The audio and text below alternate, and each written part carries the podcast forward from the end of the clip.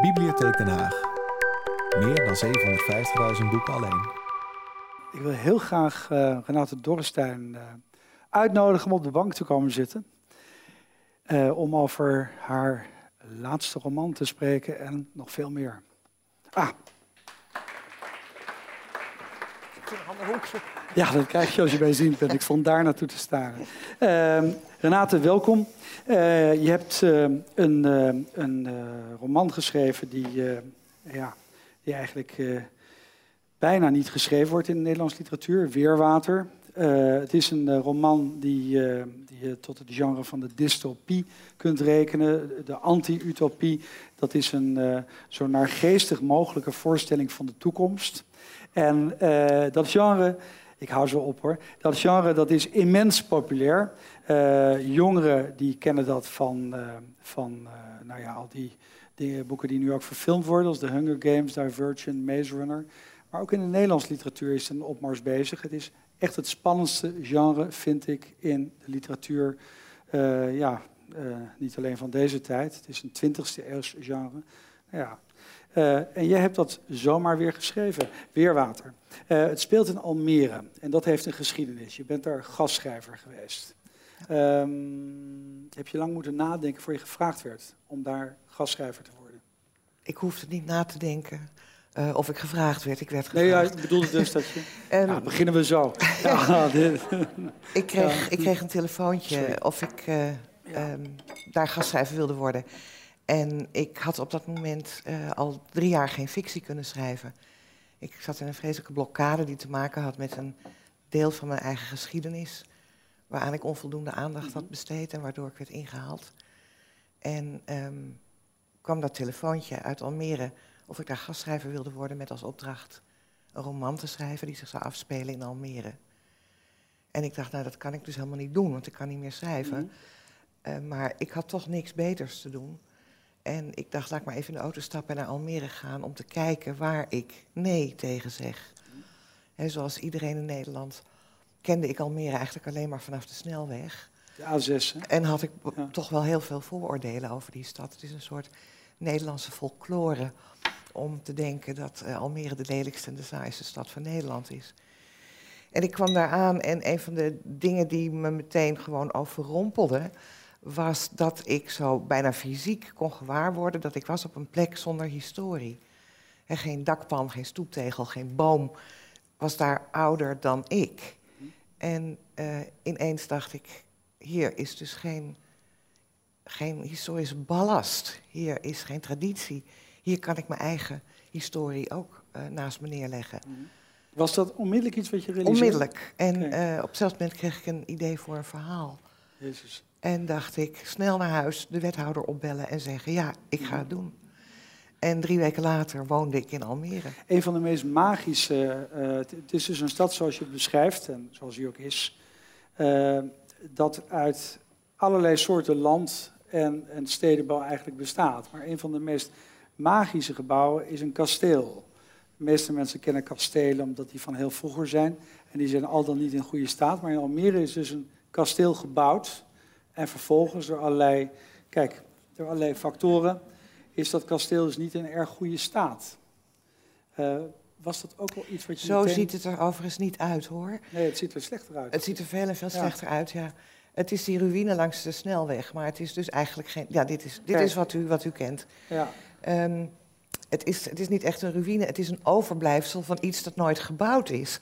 Dat maakt het nog veel fascinerender. Dat is krankzinnig dus. Hè? En het, ja. ja. het is ook een typisch Almeers verhaal. Ze hadden daar nog behoefte aan een romantische trouwlocatie. Want de, de meeste stelletjes gaven elkaar liever het ja-woord in het Gooi of in Amsterdam. Hmm. En ja, met Almeerse daadkracht hebben ze toen besloten om dit kasteel te bouwen. Dus een kopie van een uh, ja. Belgisch kasteel. En ja, met alle oude kloostermoppen die daarvoor zijn geïmporteerd en al, is dat toch niet tot een goed einde gebracht. En uh, ja, staat het al uh, tien jaar bouwvallig te zijn. Mm. Jouw hoofdpersoon begint in de wijk Fantasie. Heb je dat Ja. verzonnen? Of? Nee. Dat was echt zo. Er is een wijk die.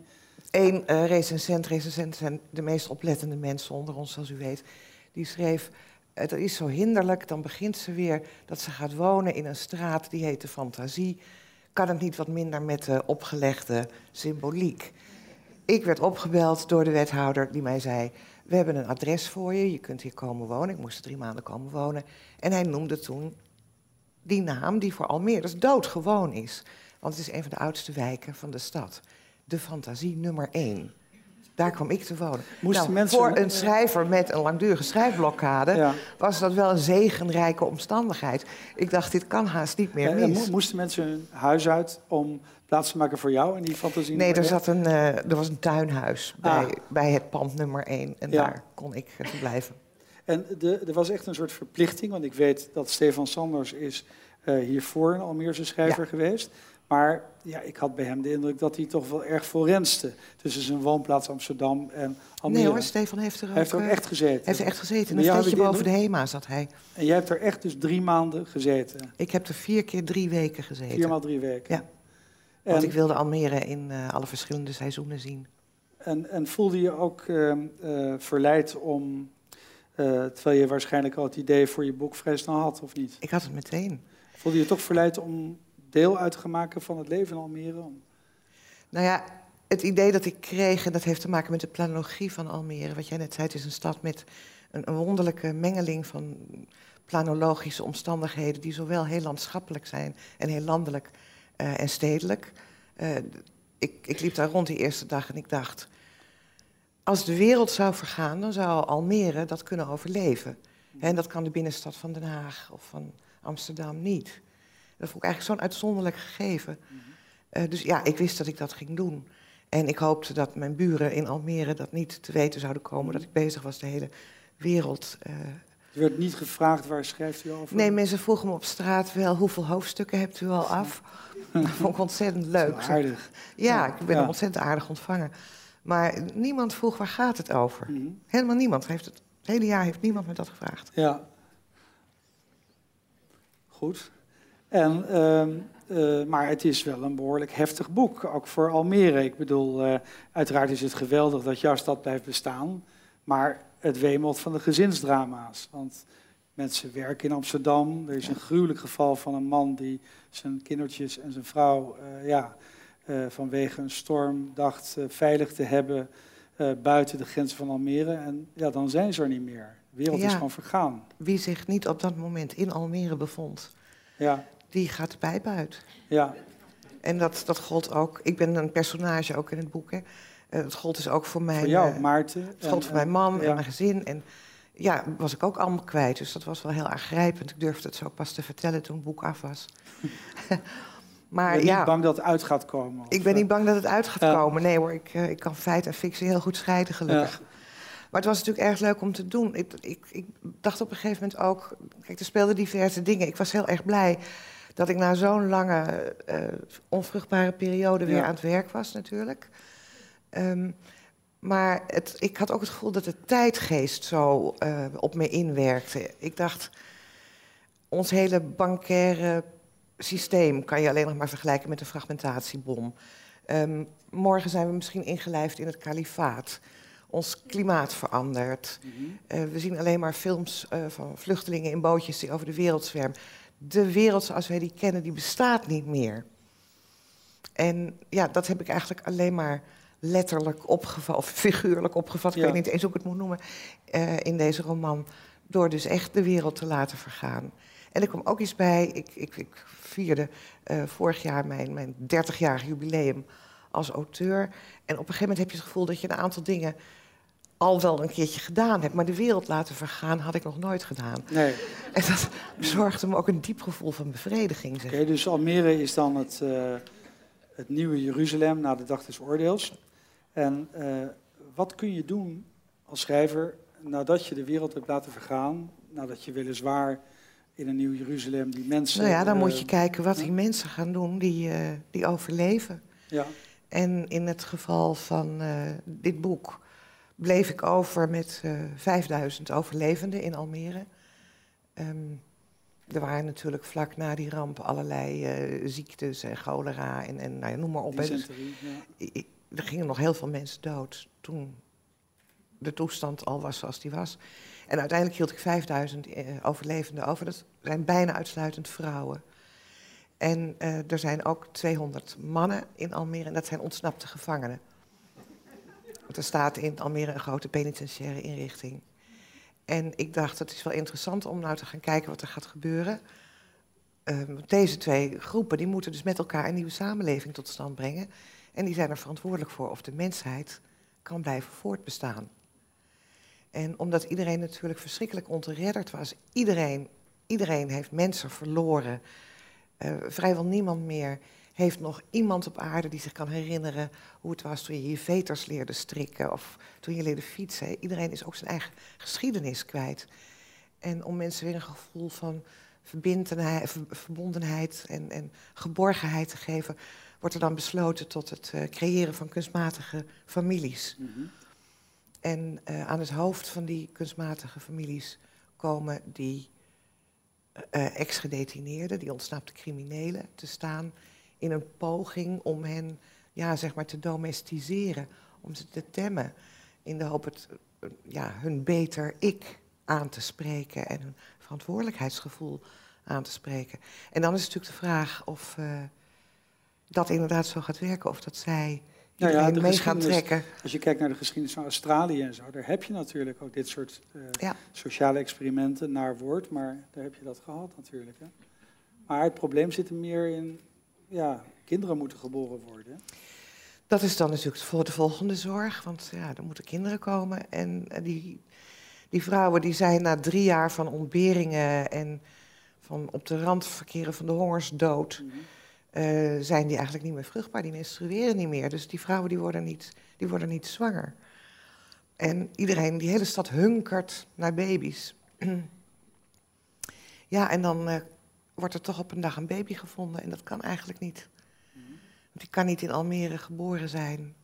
Die kan niet in Almere onder die omstandigheden verstopt zijn geweest. We moeten ook eerst vertellen dat uh, er is ook een soort mist om de stad. Hè? Dus als je dan daar uh, doorheen denkt te kunnen gaan, dan los je ook werkelijk op. Ja, ja. Er staat niets meer. Nee. Er zijn nog wel wateren. Nou ja, en als die baby dan uh, plotseling er is, dan ontstaat de hoop dat er misschien toch nog ergens buiten Almere leven is. En hoop is uh, misschien wel onze grootste vijand. En dan dreigt het even echt mis te gaan met ja. Almere. Maar ik kan u verzekeren dat het een vrij happy ending is. Ja. Um, een, uh, mijn, uh, mijn voorganger bij Vrij Nederland, die de radio beter bijhoudt dan ik, die vertelde dat er een, een radiospotje was waarin een moeder en een zoon aan het vechten waren, begreep ik, om jouw boek. Heb je al iets gemerkt van uh, dat je hiermee ook een. Uh, want de dystopie is echt iets voor een jonger publiek. Hè? Ook. Ook, tuurlijk. We hebben ook 1984 en zo. Maar als je nu kijkt naar die enorme populariteit van die jonge. Dat nieuwe boek van Michel Weber. Ja, en van David Mitchell. Maar dat zijn ook schrijvers die met science fiction opgevoed. Maar toch, het is gewoon, als je kijkt naar die. Ik ben er slecht in miljoenen, 65 miljoen waarschijnlijk al die kinderen die uh, dan toch dit soort boeken eigenlijk lezen. Dus ik kan me voorstellen dat de stap naar de serieuze literatuur dan niet groot is. Ik hoop dat, uh, ik word veel gelezen op middelbare scholen. Ik hoop dat dit uh, boek zijn weg ook weer vindt. Maar die commercial, ja, dat was wat een heel simpele reden. Ik kreeg van een lezeres op een lezing te horen dat haar zoon had de flaptekst gelezen van haar exemplaar.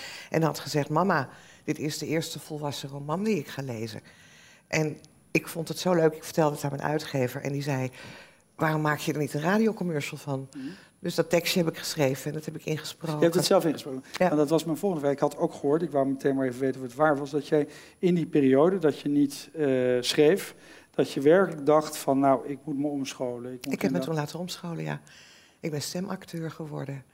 En u kunt mij dus nu ook inhuren als u een mooie voice-over wilt hebben voor een documentaire. Maar bonzo hondenbrokken kan ik ook goed. dat heb ik allemaal geleerd in die periode. Wat leer je dan eigenlijk van... Uh... Je, leert, ja, je leert met je stem emotie over te brengen. Daar komt het eigenlijk op neer. Ja. En je leert dat je, dat je gezichtsuitdrukking en ook de gebaren die je maakt... heel erg doorklinken in je stem. Ja. Dus je zit eigenlijk achter zo'n microfoon je vreselijk aan te stellen... zonder dat iemand dat gelukkig ziet. En dan heb je op de radio een mooie warme stem. Mm -hmm. um, ik weet dat het altijd een, eh, een uh, vraag is die schrijvers niet graag beantwoorden. Maar nou ja, ik vroeg je eigenlijk net, wat komt er als je de wereld hebt laten vergaan? Hoe gaf je antwoord aan de hand van je roman. Maar je kunt ook zeggen, wat komt er na het boek dat een schrijver geschreven heeft over een wereld die vergaat, waarin die mensen die overleven toch behoorlijk vitaal zijn. Wat dat betreft is het een positief einde na al die ellende. Maar nou, ik vind welke weg moet je op hierna? Oh, die weg ben ik al lang ingeslagen. Je bent al bezig? Ja. Waar schrijf je nu over? Ja, ik praat nooit over werk en wording. Want dat feit en fictie? Nee, nee, nee, want dan kan het onder mijn, onder mijn handen vervliegen. Ja, oké. Als je erover praat, dan gaat het al zich invullen. En het is voor mij heel essentieel dat ik niet, dat ik geen flauw idee heb waarmee ik bezig ben. Dat je werkt niet zoals Thomas Roosboom. Ik haal hem weer aan met die behangrollen. Nee, ik schrijf zoals de lezer later leest. Mhm. Eh, in de eerste versie weet ik van pagina tot pagina niet wat er gaat gebeuren. Mhm. En dat is natuurlijk voor mijzelf de grootste aansporing mm. om s ochtends uh, achter mijn bureau te gaan zitten. Heb jij, uh, ik weet waar je woont, niet zo ver van mijn huis. Je hebt, heb je daar waar je schrijft schrijfrituelen die moesten veranderen in Almere? In een hele andere omgeving, andere stad? Nee. Nee, nee ik denk dat ik overal kan schrijven. Gewoon je computer, een tafel. Ja, in mijn eigen hoofd. Ja. Als ik dat bij me heb, dan lukt het wel. Ja. Um, de burgemeester in je roman, dat is Annemarie Jorisma, die was net vertrokken. Of de, er was die, in ieder geval speelde die geen rol in je roman. Ik heb het niet scherp meer, maar volgens mij was die net weg. Hè? Ja, die was op vakantie. Ja, dus eigenlijk was de meest hooggeplaatste bestuurder was de cultuurambtenaar. Wethouder. De wethouder, de wethouder, sorry, de wethouder die dan ook meteen de hele stad maar moest. Uh, ja, het zegt toch wel iets, hè? Een wethouder cultuur, culturele man. Ja, die dan toch. En drie PVV'ers, die hebben het in het boek ook overleefd. Ja, maar drie. ja, dit. Nee, want ik begreep dat er ook wat vragen waren in de gemeenteraad. Ja, de eh, gemeenteraad. Uh, waren niet blij met. De PVV stelde meteen uh, schriftelijke vragen. Mm uh, over mijn aanwezigheid. Ja. Maar dat hadden ze ook gedaan bij Stefan Sanders. Gewoon, dat doen ze in principe En ik vermoed mijn, op, mijn opvolger... Dat vind ik zo stoer klinken. Mijn opvolger, Redmond O'Hanlon... Ja. Die, uh, daar zullen ze ook wel weer vragen over gaan stellen. Ja, dat doen ze standaard van de PVV. Je beschrijft een soort park daar dat een soort jungle is. Hij zou daar toch heel veel... Uh, specimen van, hij zou daar het een en ander kunnen vinden. Ik denk dat hij daar hele leuke dingen gaat ontdekken. Ja, ja. Um, was de opdracht schrijf een boek of was het echt schrijf een roman? Schrijf een roman. Schrijf een roman. Ja. Ja. ja. En nou ja, goed, het is ook uh, een roman die gewoon gaat over mijn eigen thema's. Het gaat over de behoefte aan, aan verbinding, ons verlangen naar gekend zijn, geliefd zijn. Het gaat over ja, hoe we een fatsoenlijk mens moeten blijven als de omstandigheden onfatsoenlijk worden. Mm -hmm. En ja, het heeft dan deze keer die vorm aangenomen van zo'n verhaal van de wereld vergaat. Maar ik, uh, ik vind zelf zo'n logisch onderdeel van mijn oeuvre. Mhm. Ja, want je hebt eerder, vertelde je in een gesprek dat we hier vlak voor elkaar net ontmoeten, begin van de avond, je hebt eerder eigenlijk zo'n dystopie geschreven in je werken. Ja, ik heb uh, een jaar of tien geleden, denk ik, twaalf jaar geleden, uh, echt sexy geschreven. Mm. Een roman over de seksualisering van de jeugdcultuur. Mm die zich afspeelt in een, in een parallel universum waarin mhm. Minderjarige pooiers uh, de macht hebben. En, ja. Nou ja, al die ellende van dien. Mm En waarin ouders zich gedragen als kinderen en kinderen niet meer de gelegenheid krijgen om, uh, om kind te zijn. Mm Rob van Essen die vertelde net dat hij uh, een soort laboratoriumsituatie heeft als hij schrijft. En dan ziet hij die personages en dan kijkt hij naar wat ze doen. En is dat bij jou Nou ja, hij heeft, hij heeft, helemaal gelijk. Wat je doet is personages in nauw drijven. Mm Ze met de rug tegen de muur zetten. En ze, ja, Kurt Vonnegut, mijn held en afgod, die zei altijd: be a sadist mm to your characters. Je moet ze zo sadistisch mogelijk behandelen, want alleen dan kunnen ze laten zien wat ze waard zijn. Dus hoe, hoe, hoe, hoe heviger je ze aanpakt, hoe heviger je je ze in het nauw drijft, hoe meer de zaak op haren en snaren komt te staan, hoe mhm. meer zij kunnen bloeien en kunnen laten zien wie zij zijn en wat mhm. ze durven, wat ze aankunnen en hoe groot hun hart is. Dus dat is in feite, denk ik, wat, wat iedere schrijver doet. Uh, je brengt je personages nauw. En we schrijven altijd allemaal maar over één en dezelfde premissen. Mhm. En alle verhalen van de wereldliteratuur gaan over hetzelfde. Van Homerus tot en met Harry Potter. Namelijk over iemand wil iets, maar kan dat niet. Of Ja, alleen maar met de grootste ja. moeite voor elkaar krijgen. En het is ons werk als schrijvers om obstakels op het pad van die personages te gooien. Want als we dat niet zouden doen en als die personages ja, in staat zouden zijn om verstandig met elkaar rond de tafel plaats te Mhm. nemen en het eens goed uit te spreken, dan kregen we hele dunne en hele saaie boeken. Mhm. Ja, ik Dus het, net... het, het, eh, het grootste onderdeel van je werk is gewoon ervoor zorgen dat iemand niet krijgt wat hij hebben wil. Ja. Ehm, heb jij gekregen wat je hebben wou ehm, als je terugdenkt aan het moment dat je wilde gaan schrijven en het bent gaan doen? En als je nu kijkt. Oh, ik heb honderd keer meer gekregen dan ik ooit had kunnen dromen. Dat vind ik echt, ja. Je kunt je ook een leven voorstellen dat je het niet gedaan had. Nee, dat kan ik me helemaal niet voorstellen. Want toen ik leerde lezen en schrijven, toen ik zes was, toen wou ik dit al. En eh, ik heb nooit iets anders gewild. En het is uitgekomen. Ik heb er Mhm. mijn hele leven van kunnen bestaan. Ja. Ehm, ik ben vertaald, ik ben verfilmd, ik ben bekroond. Ik heb een geschreven. Ik weet eigenlijk niet wat ik nog niet heb gehad. Ehm, Wel- welke drie boeken zou je, stel, ja, de wereld is vergaan, dus ook alle boeken, maar heel toevallig, de schrijver, die samenvalt met jou dan, eh, die in Almere blijft, die heeft drie boeken bij zich. Mag ook eigen boeken zijn hoor. Welke drie boeken ik zouden heb er maar één worden? nodig. Ja? Die neem ik zelf mee naar dat eiland. En dan hoef ik niet eens een bootje te bouwen of een kokosnoot te oogsten. Dan ga ik dat boek achter elkaar zitten te lezen van begin tot eind, van begin tot eind, van begin tot eind. En dan ben ik zielsgelukkig.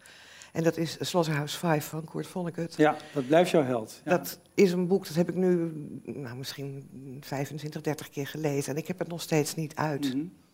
Het is het meest meeslepende boek dat ik ken. En ik vond er ook heel erg aan schatplichtig. Mhm. Ik heb van Vonnegut geleerd dat je... Ik kan nooit in de schaduw van zijn grote teen staan hoor. Maar ik heb van hem geleerd dat je op een lichtvoetige manier kunt schrijven over onderwerpen die er echt toe doen. En ik heb ook van hem geleerd dat je genres mag mengen. En ik heb van hem geleerd dat je de baas bent in je eigen boek. Mhm. Maar eh, we zijn iets milder. Heel mooi, mooie keuze. Maar je mag er nog twee extra. Dan zou ik denk ik twee andere titels van Vonnegut nemen. Goh, wat Ja. bescheiden. Dus niet, ik had toch verwacht dat je zou zeggen. Nee, maar je hoeft toch niet je eigen boeken... Want Die, dat heb je in je hoofd. die zitten zo in je hele systeem, dat raak je Ja. nooit meer kwijt. Dank je wel.